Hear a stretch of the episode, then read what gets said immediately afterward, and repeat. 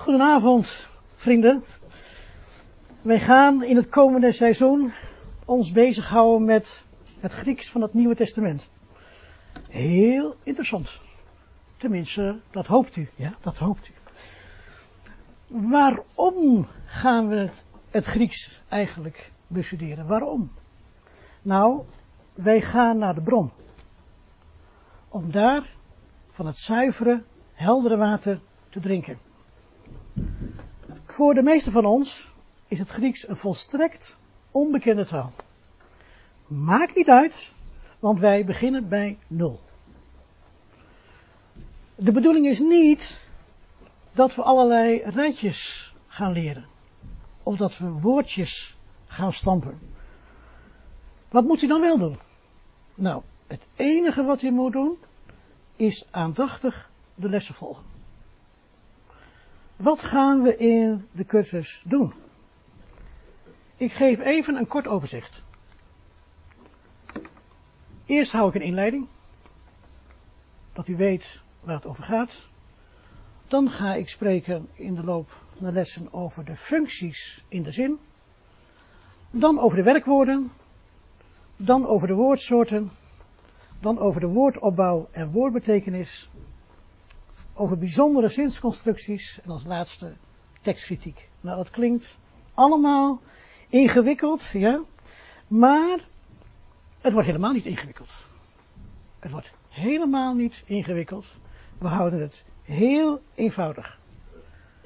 Maar die lessen zijn natuurlijk wel gebaseerd op wetenschappelijke werken. En ik noem er u een paar, dat heeft u even een idee. Ik gebruik onder andere de studiebijbel met name deel 1. Ik gebruik Bieringer, die is vooral in trek beneden de grote rivieren en in België. Uh, professor Heus.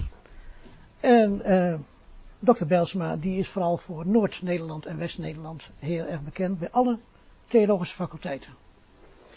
Dus, ja, we gaan wel de vakliteratuur natuurlijk uh, volgen. En als je dat volgt, dan valt je één ding meteen op. Er is heel veel kennis beschikbaar, maar die kennis wordt niet consequent toegepast. Soms wordt dit ook ronduit toegegeven. Ze zeggen dan, eigenlijk betekent het dit, maar wij zeggen dat. Laten we deze methodiek even grafisch voorstellen.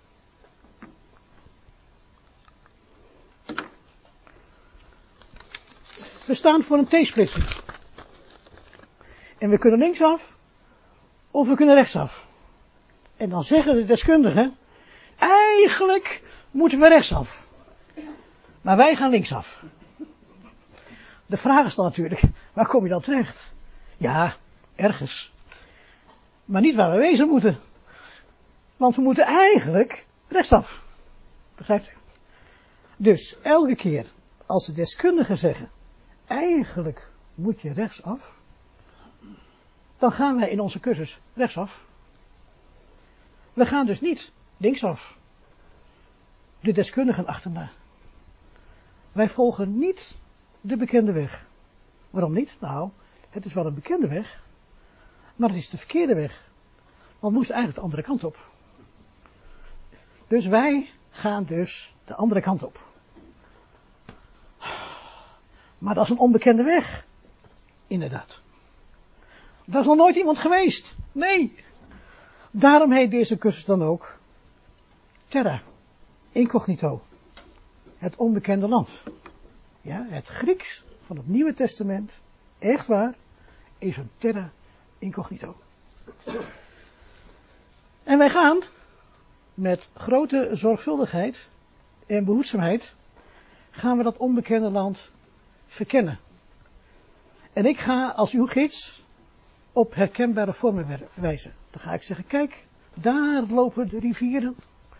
En daar zijn de bergen. Als je goed kijkt, zie je daar de bergpas. En daar is een waterval. En daar grazen dieren.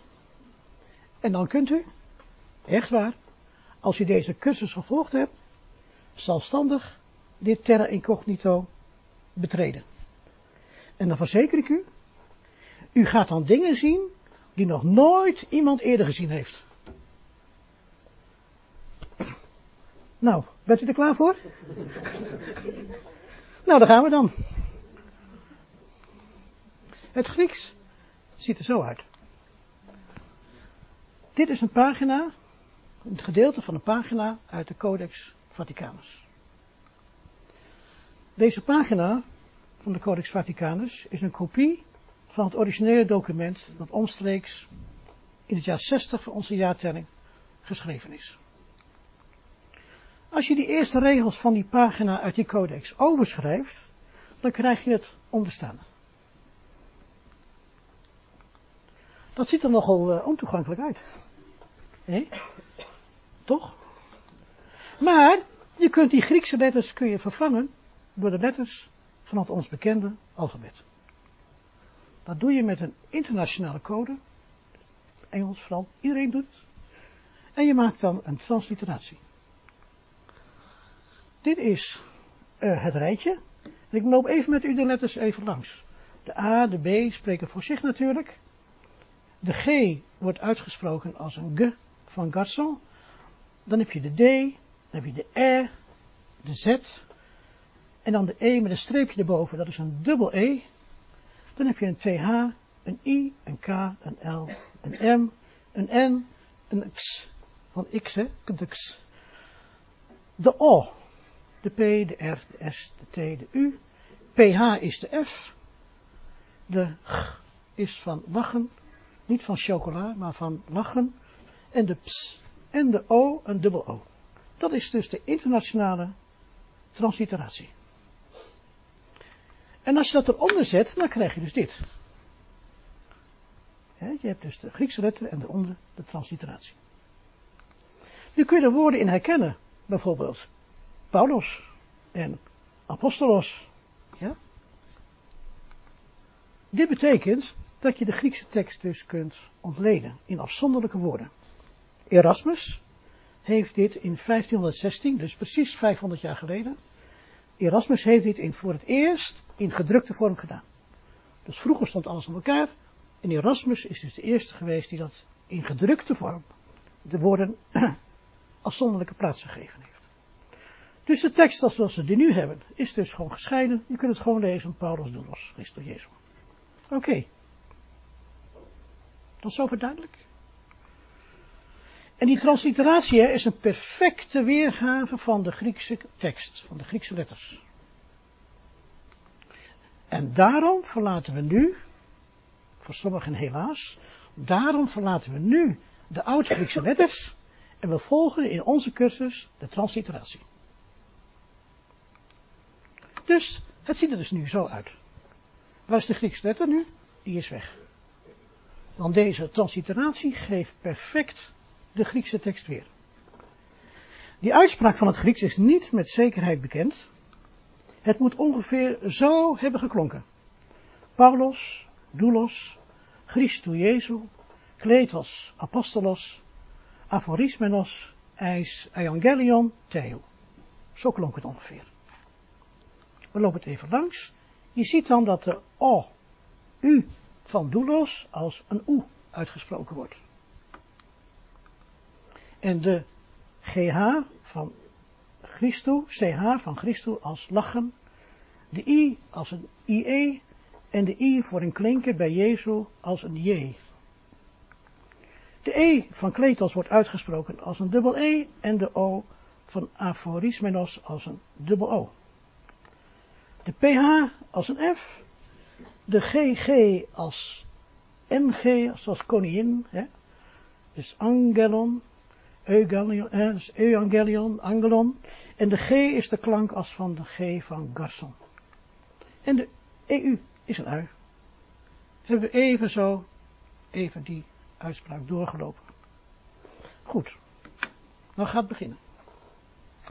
Als je naar de Griekse tekst kijkt, dan valt het je meteen op dat een aantal woorden dezelfde uitgang hebben. Os, u. Paulus, doulos. Apostolos, Amos en Christo Jezu Theo met een U. Om dit te begrijpen gaan we deze zin ontleden in woordsoorten. Komt heel langzaam, niet schrikken. woordsoorten. Ja, woordsoorten. Oh, wat gaat er niet goed? André? Oké, okay. ontwikkeld kinderen. Dat, heb, dat heb je met, uh, dat heb je met uh, digibeten heb je dat, hè? We gaan de, deze zin ontleden in woordsoorten. Dan zie je ZN, dat betekent een zelfstandig naamwoord, een B en een bijvoeglijk naamwoord, een werkwoord een W en een voorzetsel VZT. Dus je ziet een aantal woorden die zijn ZN, dat zijn zelfstandige naamwoorden. Kleedas is een BN, dat is een bijvoeglijk naamwoord. Aforismenos is een W, een werkwoord. En ijs is een voorzetsel, een VZT. We concentreren ons eerst op de zelfstandige naamwoorden. En dan zien we drie zelfstandige naamwoorden met os, Paulus, doulos, apostolos. Drie zelfstandige naamwoorden met de uitgang u, Christu, Jezu, Theo. En één zelfstandig naamwoord met de uitgang om, evangelion. Waarom die verschillende uitgangen van de zelfstandig naamwoord? Misschien kun je het soms eventjes aanwijzen. Oké. Okay. Oh. Oh. Oh, oh. F5. Hè? F5. F5. Je gaat me helemaal uh, van het pad brengen, uh, André. Gewoon, ik zal even, ik zal even doen. Nee, maar goed, uh, je moet even aanwijzen. Even aanwijzen, ja. Ga je het even aanwijzen? Nou, kijk, doe zo. Dan kun je eventjes Oké. Oké. Okay. aangeven. Dus ik moet, ik moet hier, moet eens omdraaien. Oh, nee, het gaat goed? Ja, nee, dat is wel goed. Ik heb het alweer goed gedaan. Oké. Dus Paulus, ja, het os, doulos. En apostolos is een os. En hier Christu, Jezu, Theo is de uitgang. U. O-U en dan zeg je U. Ja? En eentje met om, die staat dus hier. Evangelion. Nou, waarom? Hè? Ja, maar we gaan de zelfstandige naamwoorden. Heel goed, heel goed. Maar er zat een weetje onder, dat is een werkwoord. En we zouden ons concentreren op de zelfstandige naamwoorden. Ja? Heel goed, kom op terug. Die is wakker, hè? God, die is niet wakker. Waarom die verschillende uitgangen aan het zelfstandig naamwoord? Nou, met deze vormverandering kan het zelfstandig naamwoord zijn functie in de zin aangeven. In het Nederlands kennen we deze vormverandering van een zelfstandig naamwoord alleen bij het meervoud. Een tafel wordt tafels en een stoel wordt stoelen. Ja? Dus dan zie je dat het woord tafel. Even kijken hoor. Dat moet je goed doen. Ja.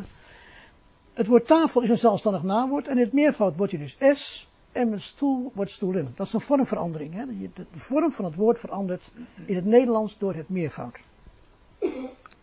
In het Grieks verandert het zelfstandig woord, zelfstandig naamwoord niet alleen door het meervoud, maar vooral door de naamval, de, fun de functie.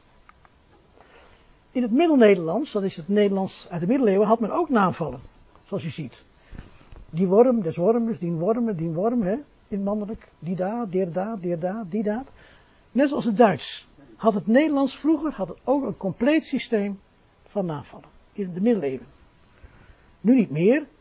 In het hedendaags Nederlands zijn de naamvallen vrijwel verdwenen. Er zijn nog enkele restanten van die naamvallen overgebleven, zoals de vrouw des huizes, tweede naamval. In naam der wet, ook tweede naamval. Ten huize, derde naamval van, enzovoort. Dus we hebben alleen nog maar een paar restantjes. Maar vroeger was het Nederlands dus ook een compleet naamvallensysteem. Wij kennen de naamvallen dus niet meer, maar in het Grieks zijn de naamvallen, de functies, de sleutel voor het begrijpen van de tekst. Dus wij gaan de eerste twee lessen, gaan we ons vooral bezighouden dus met de functies in de zin. In de naamvallen dus. Dat lijkt heel moeilijk, maar dat is het niet. Oké, in de onderstaande zin zien we dus bij de zelfstandige naamwoorden de volgende naamvalsvormen. Bij de os-uitgang. Bij de os-uitgang. Oh. Mm. Oh. Even, mensen, het is eerste avond, hè? Eerste avond, hè? je ziet dus de, bij de os-uitgangen, zie je staan, eerste naval. Doulos, eerste naval. Apostolos, eerste naval. Bij de oeruitgangen, Christo, tweede naamval. Jezu, tweede naamval. Theo, tweede naamval. En de on, vierde naamval. Ja? Oké. Naast de naamval wordt het bij het zelfstandig naamwoord ook onderscheid, onderscheid gemaakt of een woord enkelvoud, EV, of meervoud, MV is. Dat noemen wij het getal. Bovendien wordt er bij het zelfstandig naamwoord onderscheid gemaakt of een woord mannelijk, M, vrouwelijk, V, of onzijdig is, O. Dit noemen wij het geslacht. Bij het zelfstandig naamwoord is er dus de aanduiding van de naamval, het getal en het geslacht. U zegt, wat heb ik er allemaal aan? Nou, dan zal u achterkomen wat u eraan heeft. Nu kunnen we dus in de onderstaande zin de woorden hun grammaticale aanduiding geven. Je ziet dan dat in deze zin de woorden met de os-uitgang, Paulus, doulos, apostolos, eerste naamval, enkelvoud, mannelijk zijn. Eerste naamval, enkelvoud, mannelijk, eerste naamval, enkelvoud, mannelijk, apostolos, eerste naamval, enkelvoud, mannelijk. De uitgangen met, os, met oe, tweede naamval, enkelvoud, mannelijk, tweede naamval, enkelvoud, mannelijk, theo, tweede naamval, enkelvoud, mannelijk. En het woordje on, evangelion, is dus vierde naamval, enkelvoud, onzijdig. Allemaal gewoon alleen maar aandachtig volgen, hè? Alleen maar aandachtig volgen. Niks uit hoofd leren, alleen maar kijken. Alleen maar kijken. Met de transliteratie kunnen we het Grieks dus heel gemakkelijk lezen. Probeert u thuis maar. Paulos, doulos, Christus, Jezus, Kletos, Apostolos, Aphorismenos, Eis, Evangelion Theo. Een paar keer oefenen gaat vanzelf. Maar om een Griekse zin te begrijpen hebben we extra hulpmiddelen nodig. Twee. En de eerste is een Nederlandse woord-voor-woord vertaling van een Griekse zin. Kijk maar, dan zie je dat Paulus Paulus is, doulos slaaf, Christus van Christus, Jezus Jezus, Kletos geroepen, Apostolos afgevaarde, aforismenos afgezonderd zijnde, eis tot in, evangelion goed bericht, theo van God. Dus je kunt het dus echt makkelijk volgen. We hebben dan een gecombineerde Grieks-Nederlandse zin. Wat gaan wij doen in de cursus? Wij gaan alleen maar naar gecombineerde Grieks-Nederlandse zinnen kijken.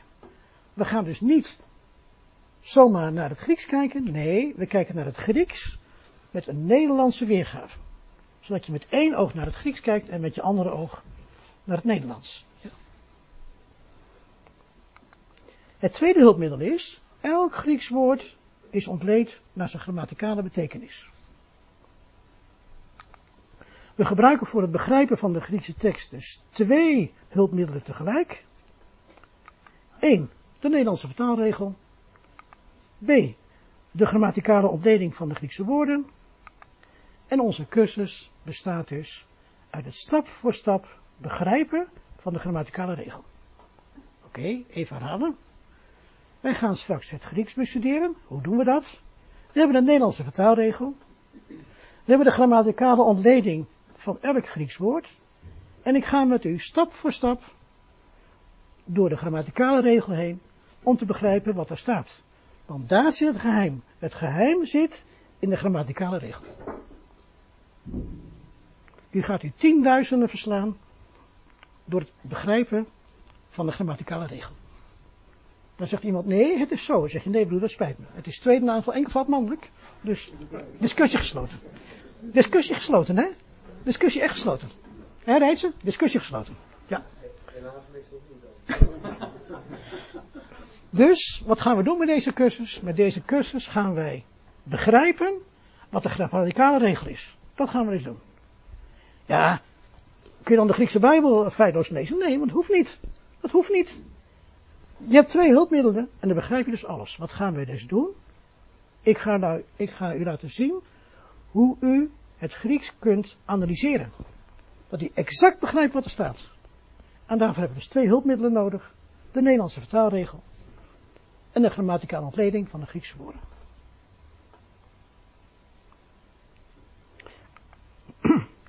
Bij de ontleding van de Griekse woorden worden ook de functies van die woorden benoemd.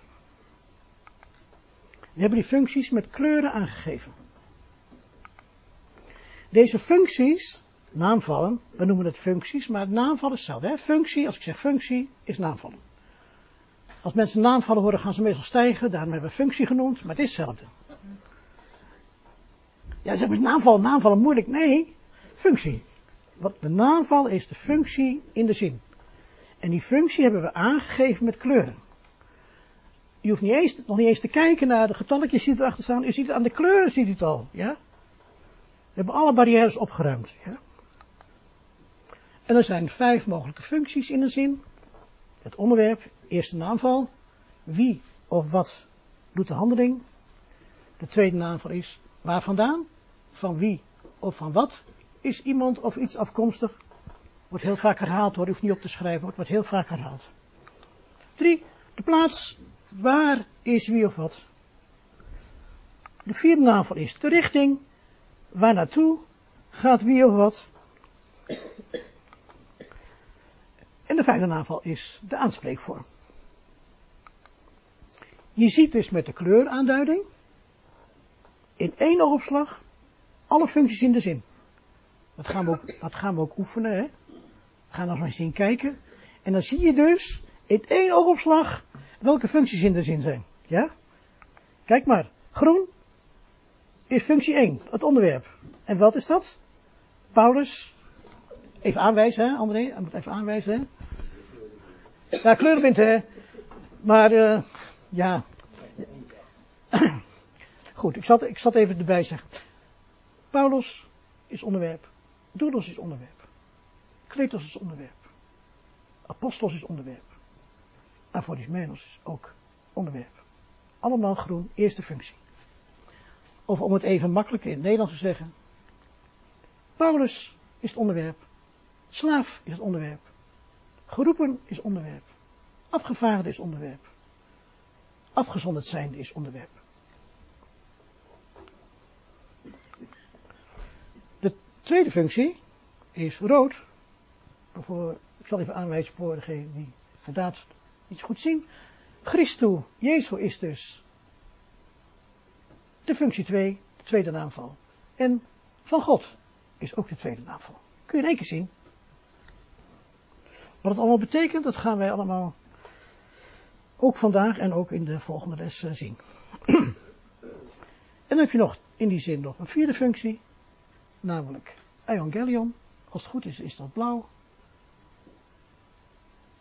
En dat is de richting waar naartoe. Dit betekent pauze, ja, maar het is niet echte pauze, want het is pas half negen. Oké. Dit was even een introductie van hoe je dus van een Griekse tekst, die, die niet toegankelijk is, dat je dus iets toegankelijk maakt. Ja, ik heb het toegankelijk gemaakt. Dat wil zeggen, uiteindelijk kom je dus, kom je dus hier terecht, dat je dus niet allemaal Griekse letters ziet, maar je ziet afzonderlijke woorden. En je kunt het, omdat het getransliteratie is, kun je het gewoon lezen. Daaronder staat dus de Nederlandse vertaling, woord voor woord, en daartussen dus de grammatica. En we gaan dus in de komende lessen ons bezighouden met de grammatica. Voordat wij de Griekse tekst gaan bekijken, hebben we nog wat voorinformatie nodig. Daar moet u even doorheen bijten. Het is niet het interessantste deel van vanavond, maar u moet er even doorheen bijten. Het moet even, want anders gaat, komt u straks bij de Griekse tekst en denkt u, maar ik begrijp het niet. Dus we gaan even een stukje voorinformatie nog geven. Oké. Taalkundige en redenkundige ontleding. Nou, heel veel mensen krijgen dus uh, visioenen van onbegrepen lessen uh, op de basisschool. Maar we gaan het even heel rustig uitleggen. De taalkundige en redenkundige ontleding. Wat ga ik nog meer doen? De woordvolgorde in de Griekse zin. En het persoonlijk voornaamwoord en de persoonsvorm. Nou, die drie dingen moet ik vertellen. Want anders gaan we straks naar het Grieks toe en dan zegt hij ja, nu begrijp ik het niet meer. Dus ik ga het van tevoren zeggen wat hij moet begrijpen. Zoals als hij straks bij het Grieks bent, denkt hij, oh, piece of cake. Nou denkt hij misschien hij overdrijft. Nee, echt niet. Grieks is echt makkelijk. Maar je moet wel dus op blijven letten. Oké. Je kunt de grammatica onderdelen in twee grote groepen. Taalkundige ontleding en redenkundige ontleding. Weet we het nog? Taalkundige ontleding is de benoemen van woordsoorten. En dan moet je denken aan een zelfstandig naamwoord, een bijvoeglijk naamwoord, voornaamwoord, lidwoord, werkwoord enzovoorts. Nemen we nou de zin, ik geef Piet een boek, dan gaan we deze zin taalkundig ontleden. Ik is dan een persoonlijk voornaamwoord, geef is een werkwoord, Piet is een zelfstandig naamwoord, een een lidwoord en boek is een zelfstandig naamwoord. Nou, oké. Redenkundige ontleding is het begrijpen van de betekenisverhoudingen in de zin. Je moet dan denken aan onderwerp, gezegde, leidend voorwerp, meewerkend voorbeeld.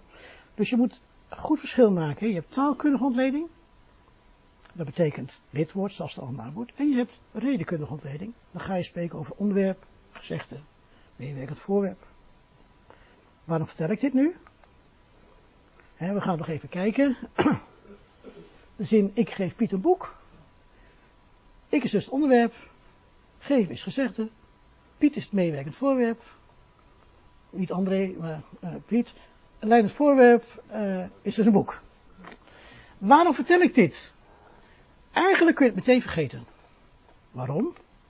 Nou, die redenkundige omschrijving, leidend voorwerp, meewerkend voorwerp, is de Nederlandse, oftewel de Latijnse benadering van de zin. Maar de Grieken kijken heel anders naar een zin. En dat wil ik nu even met u doornemen. Het Grieks van het Nieuwe Testament benadert met de zin op een heel andere, meer filosofische manier. Buitengewoon interessant.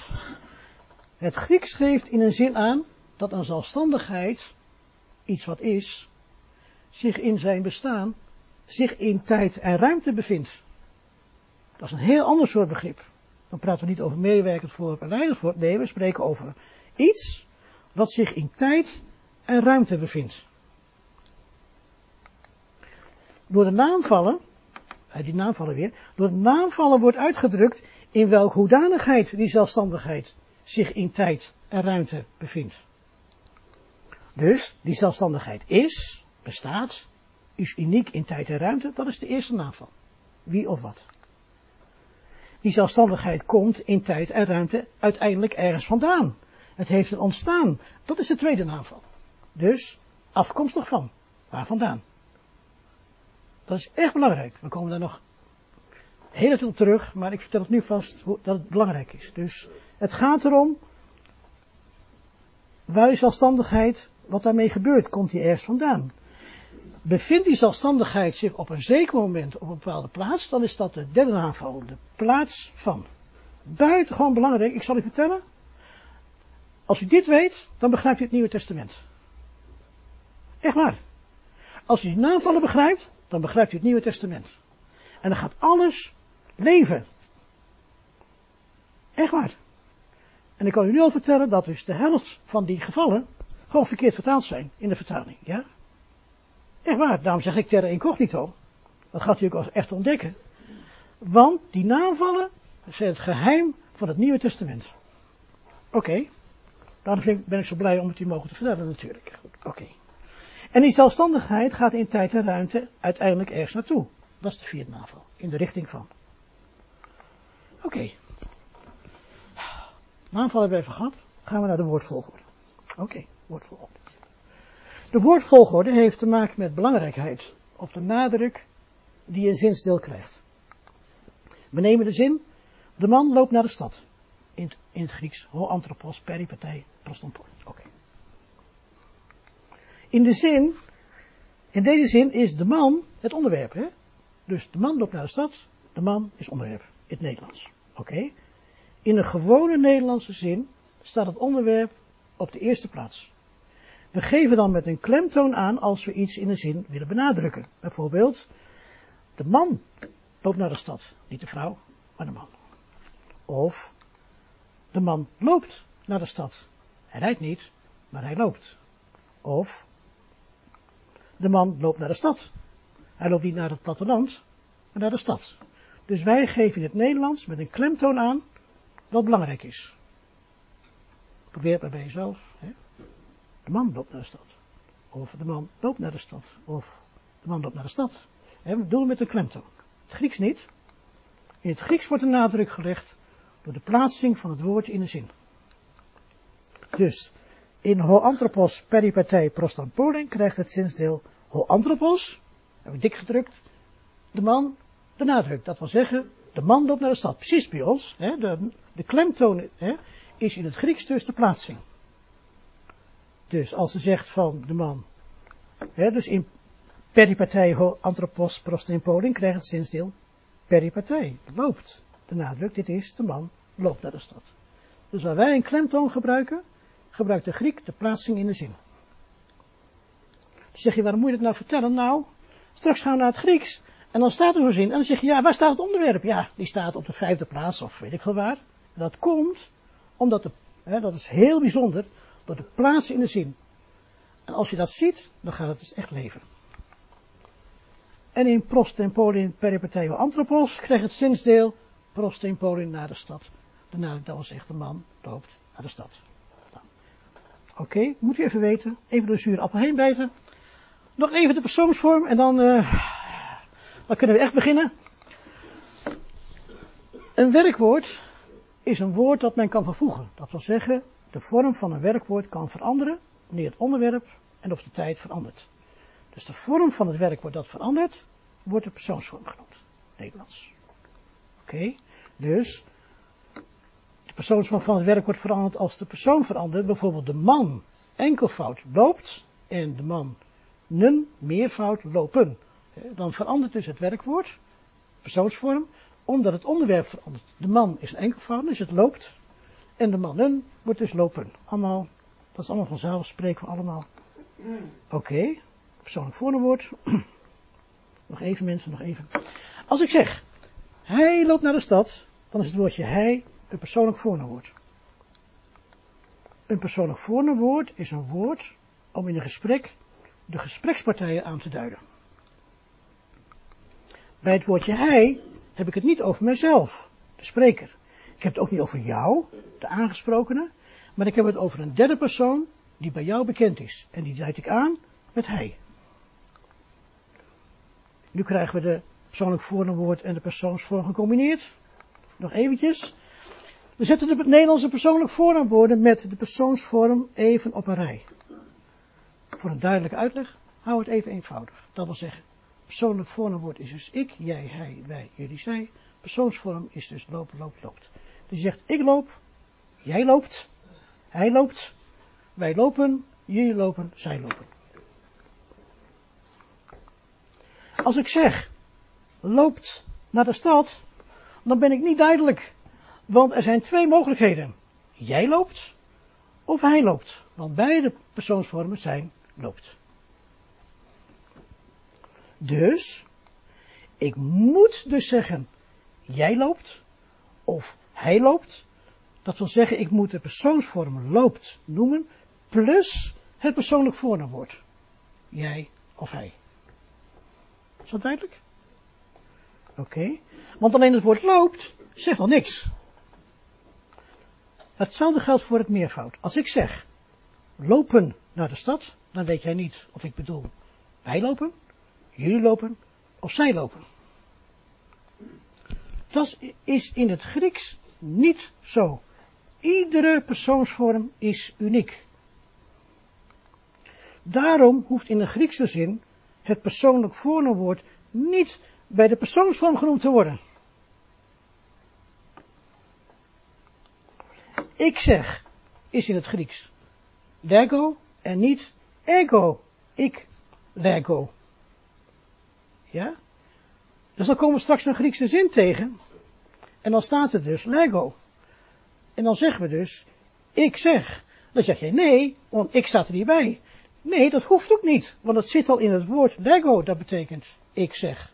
En als je dus zegt ego lego, dan heeft het woordje ik dus de nadruk.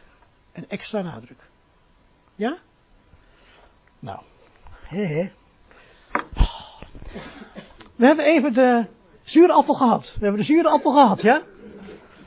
We hebben de zure appel gehad. Oké, dan gaan we nu even, voor de pauze gaan we even genieten. Want nu gaan we dus echt beginnen. We hebben nu genoeg voorinformatie. Haal even diep adem. dan gaan we nu het onbekende land in. Ja? Dan gaan we nu het onbekende land in. Oké. Hou je vast, hè? Hou je vast. Nou begint het, hè?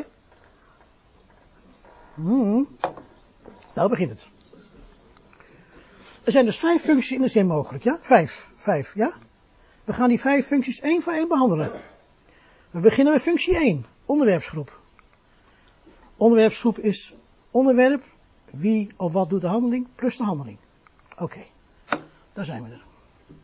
Nu zijn we aangeland in de terra incognita. In het onbekende land. En wat moet u doen? U moet alleen goed kijken. Wat moet u doen? Ik herhaal het. U moet goed kijken. U moet zo'n zin analyseren. En dat gaan we dus nu doen. En ik, en ik maak u attent waar u op moet letten. We gaan stap voor stap gaan we kijken. Dit zijn drie woorden. Edacrucen, o Jezus. Weent de Jezus. In deze zin is er maar één functie. Functie 1. De groene kleur. Ziet u dat?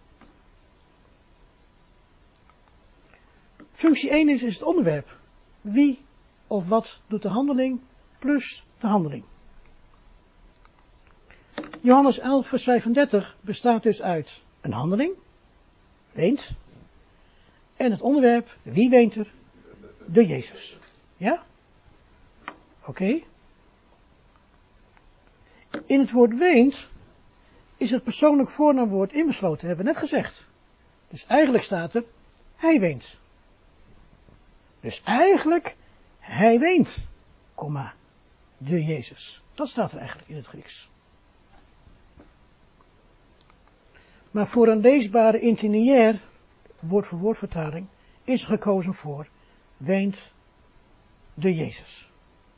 Dit is Jezus weent.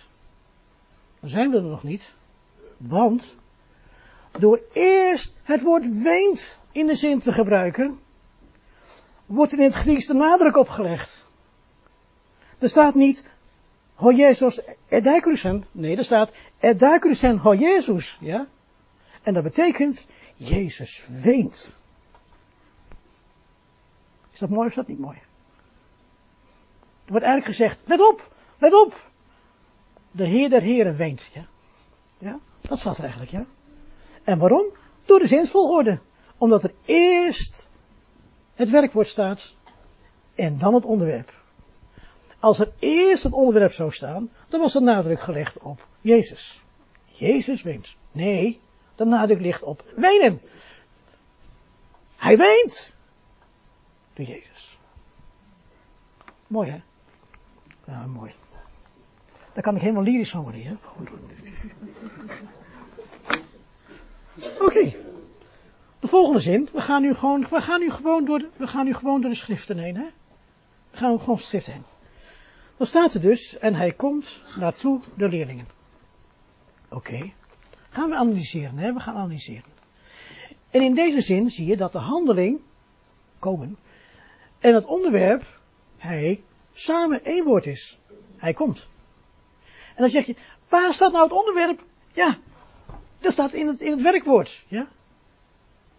Dat kan in het Grieks. Tuurlijk kan het in het Grieks. Je hoeft niet te zeggen, en hij, hij komt. Hij kunt gewoon zeggen, en hij komt. Dus het woordje ergetai betekent gewoon, hij komt.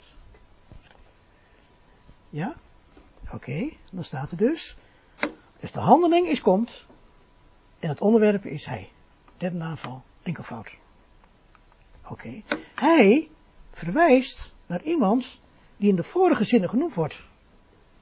Want wij weten wie hij is. We hebben net gezegd. Wat is hij? Hij is een persoonlijk voornaamwoord. Hij verwijst naar iemand die we allemaal weten waar het over gaat. Dus in de vorige zinnen is iemand genoemd. En die noemen we dus hij. Dus je moet, als je wil weten wie hij is, moet je in de vorige zin kijken. Dat is de analyse die je dus maakt. Oké. Dan staat er, en zij komen naartoe de Jezus. En ook hier zie je dan weer het onderwerp en de handeling samen één woord. Zij komen. En in deze zin wordt verondersteld dat de lezer weet wie die zij, derde, naam meervoud, eh, derde naamval meervoud, zijn. Er wordt verwezen naar personen die in de voorafgaande zinnen genoemd worden. Ja? Oké. Na echter komen ook de overige maagden, ga je die zin analyseren en dan zie je dus dat de groene, de groene dingen, hè, de groene zinnen, begint hier al, ergontai, dit is groen, dat is groen, dat is, nee, kan je, even kijken hoor, kan je niet. Dus ergontai, hai, loipai, partenoi, zijn allemaal groen. Dus, in deze zin worden de handeling en het onderwerp apart genoemd. De handeling is, zij komen. Er staat komen, en daarom heb ik het woordje zij tussen haakjes gezet, want echter, erna, echter, komen. De handeling is, zij komen. Ik heb zij er niet bij gezet.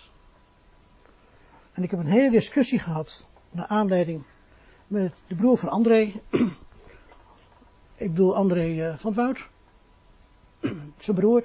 Dat hij zei van, waarom zet je niet bij, zij komen? Ja, dan krijg je dus uh, lastige zin voor de leesbare tekst. Dan moet je zeggen, erna, echter, zij komen.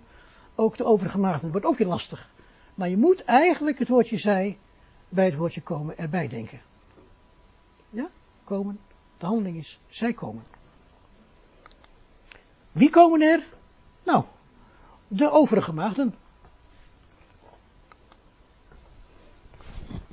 Is dit duidelijk?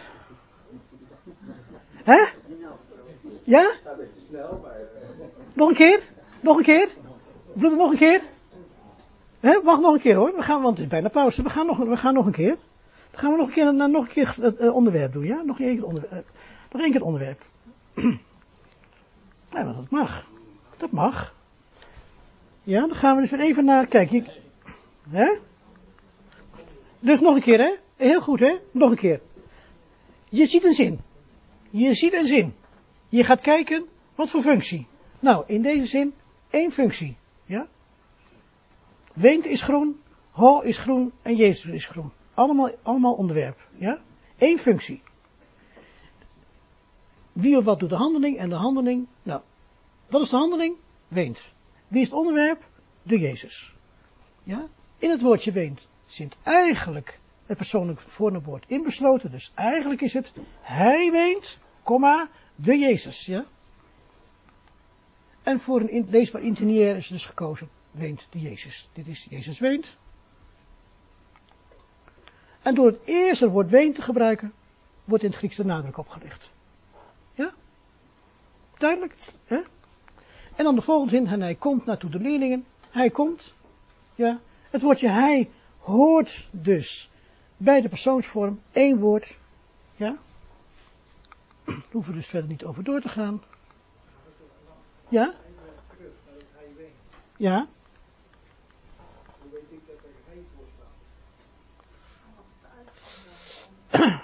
Het is derde, het is derde persoon meer, uh, enkelvoud, ja.